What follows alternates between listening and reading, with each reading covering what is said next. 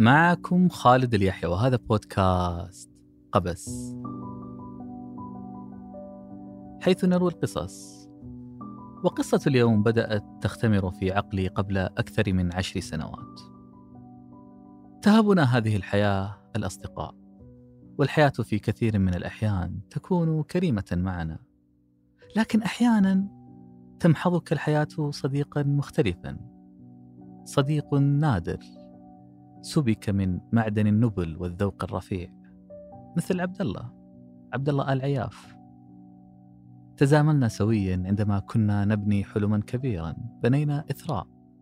طوبة طوبة. ومعه بنيت آمالنا وأحلامنا. مكتبه كان حذاء مكتبي. لسنوات. لا أذكر عدد المدن التي زرناها سويا. في كل مدينة كنا نذرع الطرقات مشيا نودع ذكرياتنا فيها. تحدثنا كثيرا عن كل شيء. حين تنعم بالحديث مع عبد الله لا تلقي بالا لما تقول. يظل الحديث معه سلسا رقراقا. قد لا تذكره في صباح اليوم التالي لكنك لا تعيده أيضا. ثمة حكايا جديدة كل مرة. مرت السنوات ورمت بنا تصاريف الحياة في أماكن متباعدة أصبح بها اليوم الرئيس التنفيذي لهيئة الأفلام. تغيرت أشياء كثيرة، لكن شيئا واحدا لم يتغير. أن الحديث مع عبد الله كان وما يزال دائما نزهة فكرية. ومؤخرا صرت أتأهب للحديث معه بعد كل قصة أرويها هنا. فعبد الله ما زال يستمع لكل حلقة من حلقات بودكاست قبس. بإنصات. وبعد كل استماع أعلم أنه سيهبني ذلك الاتصال الذي سيستمر لساعة أو أكثر. نتحدث فيه عن كل شيء. يصيبني فيها بحمى التفكير. أفكر فيما حدث وما سيحدث وما قد يحدث. أفكر معه في الأشياء التي لن تحدث وماذا سيحدث لو حدثت فعلا. وفي كل اتصال هناك فقرة معهودة. يخبرني فيها أن القصة فاجأته بنهايتها غير المتوقعة. أن النهاية باغتته فصرت وأنا أكتب كل قصة من قصص قبس أتخيله أمامي وأمارس الإفراط في المفاجأة. أتعمد أن أوغل في المباغتة. حتى وصلت لقصة اليوم. والتي ولأول مرة. لن أستطيع فيها مداهمته. فنهاية هذه القصة يعرفها جيدا وسيستطيع التنبؤ بها لأنها في الحقيقة جاءت منه. كنا نسير ذات يوم في أحد ضواحي لوس أنجلوس تحديدا في جادة هوليوود أمام مسرح دولبي الذي تقدم فيه جوائز الأوسكار بالضبط أمام القاعة الصينية. وهناك سألته سؤالين. ما زلت أذكر إجابتهما جيدا. السؤال الأول ما أعظم افتتاحية بدأها فيلم في تاريخ السينما؟ فكر قليلا. أذكر أنه نظر للأعلى للسماء الصافية يومها. وأجابني ذكر مقولة افتتح بها فيلم شهير. لم أفهم وقتها لما اختار تلك المقولة بالذات. كان ذلك قبل عشر سنوات. واليوم من هنا من وكر الدهشة من عش السكينة من أروع بقعة في الرياض تأتيكم هذه الحلقة. أسترجع فيها سؤالا قديما. واسمحوا لي أن تكون مهداة باسمكم للشخص الذي لن تفاجئه النهاية الصديق عبد الله العياف. بعد كل هذه السنوات يصعب تصور كيف ستكون الحياة لو لم يكن جزءا منها.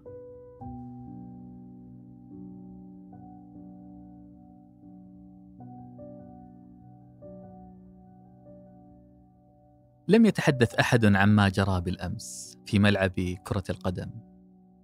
الحدث يستحق أن يتصدر كل صفحات الجرائد.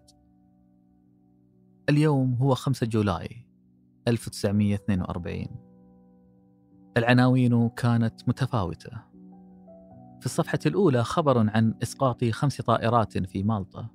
هناك عنوان آخر يقول أن المعارك في مصر تحبس الأنفاس. معركة العلمين قد بدأت ومجيء رومول ثعلب الصحراء يبعث على القلق. خبر آخر المطاط صار سلعة خاضعة لإدارة الحرب. وخضع لتشريعات تقلص من بيعه وتداوله بما يضمن أن الأولوية تكون للاستهلاك العسكري. خبر عن عقد قيران إليزابيث بارتن. عزيزي إيدولف السيد بنت يكتب رسائلا لهتلر. أخبار كثيرة لكن أي منها لم يتطرق لما جرى بالأمس في ملعب كرة القدم حيث تغير العالم هناك. بشكل لم يكن في الحسبان. وتبدأ سلسلة الأحداث بذلك الاجتماع السري الذي عقد في جامعة هارفارد. رئيس الجامعة كان هناك ورئيس معهد ماساتشوستس للتكنولوجيا أيضا وأحد الحائزين على جائزة نوبل ورئيس Standard Oil لتطوير أحد المؤسسات التي تفرعت من الشركة الأم التي جاءت بأرامكو. وكان هناك لويس. لويس فيزر. وفي غرفة معتمة التم شمل المجتمعين بدعوة من واحدة من أكثر اللجان الحكومية غموضا وأكثرها نفوذا اللجنة التي أحاطت نفسها بستار فولاذي من السرية. اسم هذه اللجنة كان بليدا كسولا اللجنة الوطنية للأبحاث الدفاعية لكن مسؤولياتها كانت نافذة جدا. وأثرها مستفحل جدا جدا. هي التي تولت مسؤولية تطوير الرادار والسونار ومشروع منهاتن. الاسم الحركي لمشروع تطوير القنبلة الذرية في أوركسترا بحثية تناغمت في أكثر من 30 موقع في أرجاء أمريكا. مشروع منهاتن كلف أكثر من ملياري دولار في ذلك الوقت ما يعادل 30 مليار دولارا اليوم. ولا أحد لا أحد في العالم يستطيع أن يرصد هذا المبلغ بهذه السرعة وبهذه الرشاقة سوى تلك اللجنة الغامضة النافذة. ولذلك عندما دعي رئيس جامعة هارفارد لاجتماع تحت إشراف هذه اللجنة سارع ملبيا يصحبه فريق يضم فيزر لويس فيزر الكيميائي. وهنا يجب علينا ألا نخلط بين الكيميائيين الذين يمثلهم فيزر والفيزيائيون المكلفون بتطوير القنبلة الذرية في مشروع منهاتن. مشروع منهاتن مشروع فيزيائي قاده علميا باقتدار روبرت روبرت أوبنهايمر. الأرستقراطي العالم رفيع الطراز الأنيق الوسيم المتنعم في شقة والديه في نيويورك. روبرت المثقف المرفه الذي تتوق النخبة للاقتراب منه. من شدة ترفه الفكري ارتبط بناشطة يسارية. حاذق مبهر يدرك أنه لا يحتاج سوى للهجته الواثقة ليستميل المسؤولين فيفردوا له مركز أبحاث في فناء مزرعته بالقرب من لوس آلاموس حيث سيقضي وقته مع أصدقائه الفيزيائيين لكشف أسرار النواة ويجرون تجارب تفجيراتهم هناك. لم يجد غضاضة عندما أراد تسمية تجربة أول تفجير نووي أن يسمي تجربته الكبرى نسبة لقصيدته المفضلة من شاعره المفضل ترينيتي مشروع منهاتن كان أعقد مشروع في القرن العشرين. حشدت له أعظم عقول البشر. كان واجهة علمية براقة اخترق من قبل الجواسيس الذين عاثوا به يمنة ويسرة وسادته العلاقات الماجنة وملئ بالزهو بالفخامة وبالإثارة. وعلى عكس الفيزيائيين الكيميائيون لم يكونوا كذلك. لم تستهويهم طموحات اختراق الذرات. انسحبوا لغرف مظلمة ولمختبراتهم الكامنة في الأقبية. لم يرغبوا في ابتكار سلاح جديد. كانوا مهووسين بواحد من أقدم أنواع الأسلحة. الافدح الأوقع الما. أصل العذاب. النار. لظى نزاعة للشوى. استحوذت النار على مخيلة الكيميائيين تحدثت بها هواجيسهم وتسللت لأحلامهم. تحديدا فيزر لويس فيزر الذي بدأ بما عرف بالمشروع البحثي السري رقم أربعة. فيزر كان من المفترض أن يحوز على جائزة نوبل نظير أبحاثه التي قادت لمعرفة فيتامين K الأصلع ذي الشارب الكثيف المضمخ بدخان سيجارته التي لا تغادر فمه. على عكس أوبنهايمر فيزر لم يخضع لحراسة دائمة. لم ترصد تحركاته واتصالاته ولم يكن في حالة قلق دائم جراء الاجتماعات الطويلة مع رجال العسكر المتوترين. واظب فيزر على الذهاب لمخبئه الصغير في أحد أقبية هارفارد ومارس العبث. عبث بمركباته الكيميائية بحثا عن نار مختلفة. كل يوم حتى تناهت لمسامعه حادثة غريبة جرت في أحد المصانع. مجموعة من المبتدئين أرادوا اختبار نوع من أنواع الأصباغ فانفجر وتشكلت بسببه قمامة لزجة دبقة مشتعلة. طبعا هذا خبر سيء جدا لصانعي الأصباغ. لكنه حتما خبر مثير جدا لشخص مهووس بإضرام النيران. وهذا ما جرى. تواصل فيزر مع أولئك المبتدئين ثم بدأ يجرب مختلف المواد العقيق الكهرمان حتى توصل لخلطته السرية السحرية. وفي يوم 4 يوليو 1942 في اليوم الوطني لأمريكا أمام Harvard Business School كلية هارفارد للأعمال الكلية العريقة في ملعب كرة القدم قام فيزر بصنع بركة ماء عمقها أشبار في الملعب. وقذف باتجاهها خليطه السحري. فتولدت عاصفة نارية للحظات بسيطة. تبعتها تبعتها شظايا لزجة كتل متخثرة. ثم شرر. شرر كالقصر. شرر له فحيح وبرائحة فسفور لاذعة ممزوجة بزيت محروق. نفتة حارقة. فيزر صنع naphthenic acid and palmitate نابالم. انبعث النابالم وأشرق ضياؤه من بركة ماء في ملعب كرة قدم في جامعة هارفارد سطع نوره من هناك. وأعلم قد تتساءل ما الذي يجعل النابالم مختلفا عن أي شيء حارق مثلا عن زجاجة موليتوف أولا كل شيء حارق هو قطعة مستلة من الجحيم زجاجة المولوتوف تكون مملوءة بالكروسين الذي يحترق بدرجة حرارة 600 درجة مئوية. النيبالم اللزج يحترق بأضعاف ذلك. يسعر الألم.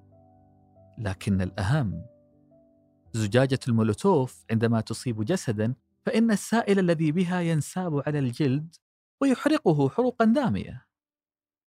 النيبالم لا ينساب يلتصق تتذكرون اللزوجة؟ بالضبط اللزوجة تعني أن هذا السائل المشتعل لن ينساب وإن كانت لزوجته كما أتقنها كيميائي هارفارد المحترفين فإن النيبالم بمجرد ما تتناثر كتله المتخثرة لكل مكان سيصطاد السطوح والأجسام ويلتصق بها. فتظل تشتعل وتظل تشتعل وتظل تشتعل. وبألفي درجة مئوية تظل تشتعل. كالمهل تغلي على الجلود كغلي الحميم. اليوم هو 5 جولاي 1942 عناوين الأخبار كانت متنوعة لكن لم يشر أي منها لما جرى بالأمس في ملعب كرة القدم في جامعة هارفارد. الحدث الذي كان يستحق أن يتصدر كل صفحات الجرائد. الحدث الذي غير العالم. الشيء الوحيد الذي كتب عن ذلك الحدث كان ما دونه فيزر في تقاريره. التي رفعها لتلك اللجنة السرية النافذة. ومن هنا تولى الجيش إدارة الدفة واستنجد بالمصمم المعماري الشهير أنتونين ريموند الخبير بالعمارة اليابانية ليصمم مدينة على الطراز الياباني في الصحراء بكل تفاصيلها حتى طاولات الطعام والتي تم إلقاء قنابل النيبالم عليها. فلم يخذلهم النيبالم أبدا. جعل تلك المدينة قاعا صفصفا لا ترى فيها عوجا ولا أمتا. فأبهرت تلك النتائج الجنرال كيرتس كيرتس لمي قائد القوات الجوية في المحيط الهادي والذي تولى إدارة الملف. وها كم أداره باحتراف. رسم خطته التي لم يسبقه إليها إنسان. الخطة التي من فرط جرأتها أرسل تفاصيلها في اليوم الذي شهد تغيب رئيسه. لأنه يعلم أن لا أحد سيوقع على اعتمادها فأراد أن يتحمل المسؤولية وحده. وفي ليلة العاشر من مارس عام 1945 انطلق سرب من قاذفات بوينغ 29 القاذفة من ضخامتها كان اسمها الرسمي Superfortress القلعة السوبر. العتاد الذي تحمله تلك القاذفة يوازي عتاد قلعة كاملة. وبعيد منتصف الليل انطلقت 334 Superfortress باتجاه طوكيو. محملة بلا شيء. كانت توجيهات كرتس لمي واضحة. لا شيء في القاذفات سوى النابالم. ومن ارتفاع منخفض جدا لا يجاوز الخمسة آلاف قدم. وتحديدا على بعد ستة أميال شرق القصر الإمبراطوري في أكثر مناطق طوكيو ازدحاما. انهمرت تلك القذائف الصغيرة. لو كنت تتأمل سماء طوكيو في تلك الليلة كانت هناك لحظة مفعمة بالضياء الباهر. أشرقت طوكيو في جنح الظلام ثم ثم تتابعت الانفجارات ثم جاءت تلك الكتل المتخثرة لتبدأ في اصطياد الأجساد. كل شيء احترق. لم يكن هناك وقت لأن يدب الذعر. عواصف النيران التي أشعلها النيبال جعلت الطرقات فرنا يصطلي به كل من يطأ. ثم امتصت تلك العواصف الأكسجين من الهواء فاحترقت قصبات المصطرخين ودماؤهم. الذين اختاروا أن يلقوا أنفسهم في النهر كانوا الأسوأ حظا لأنهم لم يكونوا يعلمون أن النهر هو الآخر يتلظى. طوكيو تحولت لنار كيرتس لمي موقدة لو لامست أي جسد من الأجساد المشوية ستفاجأ بأن أبدان الناس ستتفتت بين يديك. الإنسان تحول لخواصه الكيميائية الأساسية مجرد جزيئات من الكربون. رائحة الأجساد المحترقة التصقت بالطائرات وأصابت الطيارين بالغثيان. في الأعلى كانت هناك طائرة لنائب كيرتس لمي يوجه بها القاذفات يعزف سيمفونية الحريق. ومع حلول الصباح أكثر من مليون وستمائة ألف كيلو جرام من النابالم تم إسقاطها على ذلك الجزء المزدحم من طوكيو. أكثر من مئة ألف فقدوا حياتهم في ليلة واحدة. أكبر عدد من الضحايا في تاريخ البشرية تم حصدهم في غارة واحدة. وعلى مدى الشهور التي تبعتها أكمل كيرتس لمي مهمته. يحرق المدن واحدة تلو الأخرى ستة وستون مدينة. في خضم فوضى الحرب لم يعد تعداد الضحايا يمثل ذلك القدر من الأهمية. يقال أنه وصل لنصف مليون إنسان تم حرقهم بالقلاع السوبر. مدينتان فقط لم تقصفا بالنيبال. هيروشيما وناغازاكي. تم الإبقاء عليهما والاحتفاظ بهما ليوم آخر ولكي يتلظى سكانهما بسلاح استراتيجي آخر. أشرفت عليه نفس تلك اللجنة السرية واسعة النفوذ. في نهاية الحرب أرسلت القيادة لكيرتس لامي. مبروك. المهمة أثبتت أن رجالنا لديهم الجرأة لفعل كل شيء. رد كيرتس لامي في برقيته. لقد قمنا بتحميص وشواء يابانيين حتى الموت في ليلة العاشر من مارس أكثر من الذين تبخروا في هيروشيما وناغازاكي سويا. نظام العالم الجديد تمت صياغته في ذلك السعير. عدد سكان طوكيو انكمش من خمسة ملايين لمليونين. يروى أن كيرتس لامي كان يمازح جنوده قائلا لو خسرنا الحرب فسنحاكم بتهمة إبادة البشرية. لم يخسر كيرتس لامي الحرب فسخر النابالم مرة أخرى في الحرب الكورية ومرة أخرى في حرب فيتنام وسخر أيضا في كل معارك القرن العشرين التي تلتها. استخدمه الفرنسيون والإنجليز والبرتغاليون واليونانيون والصرب والإسرائيليون والأتراك والهنود والنيجيريون والبرازيليون كلهم رموا به أعداءهم.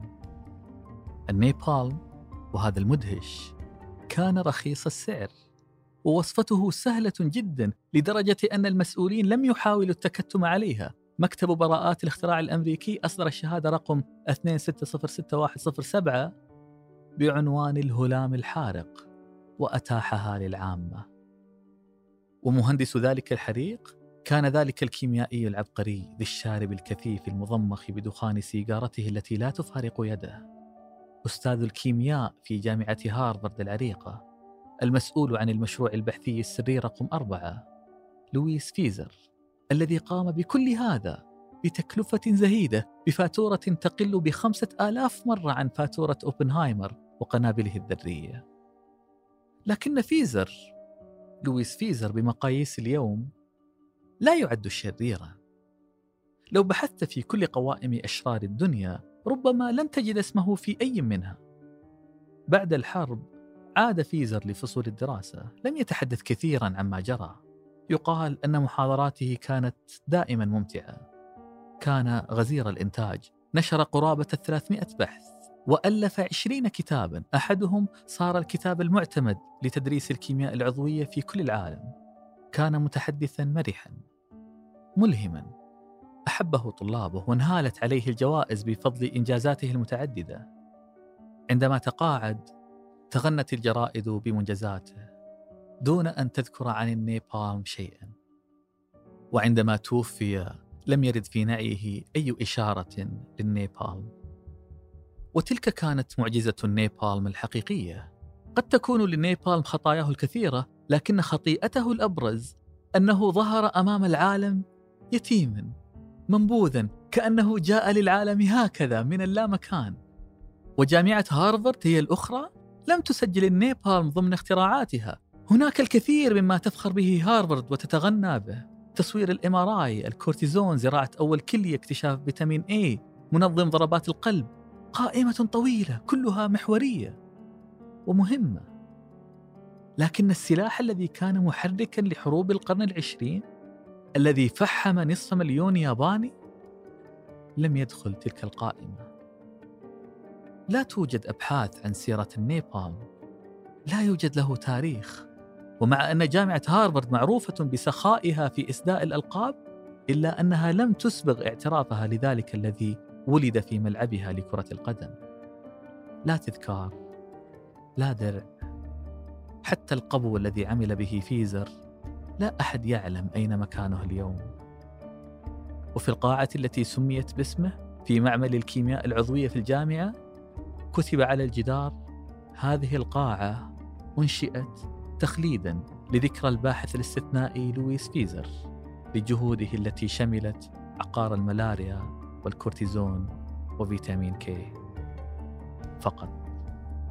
لم يذكر النابالم. النابالم الذي يبدو يتيما منبوذا ليس له أب ليس له مخترع كأنه جاء للعالم هكذا من اللامكان. وهذه طبيعة إنسانية مثيرة. أن الشر على هذه الأرض رغم أنه كثير إلا أننا قلما نجد من هو مستعد للاعتراف أنه جاء بسببه. اسأل أي إنسان اسأل أي إنسان في أي عصر. هل كذبت يا سيدي قط؟ هل أخذت شيئا لا تستحقه؟ هل سرقت اعراق الآخرين؟ هل مشيت فوق جثة أحد وظلمت رجلا فقيرا وبنيت فوق رأسه بيتا؟ اسأله وتأمل كيف يتجمد وجهه الطيب من الألم. وكيف يصاب بالدهشة. ويعد كل سؤال إهانة لا تغتفر إنه لم يفعل شيئا من ذلك لم يفعل قط.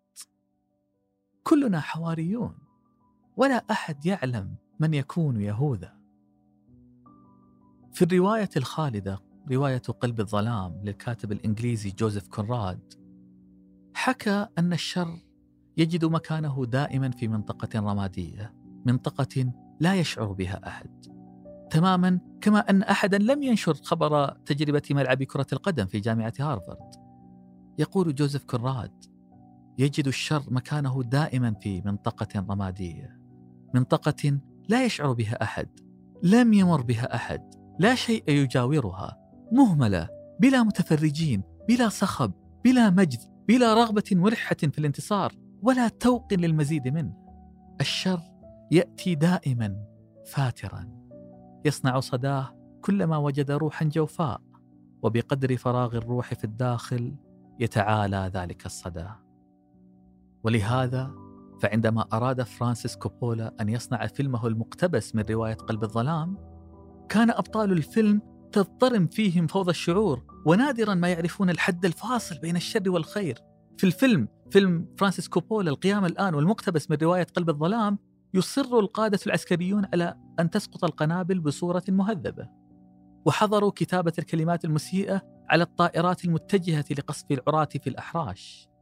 كي لا يجرحوا مشاعر العراة وهم يرون القنابل تهطل عليهم.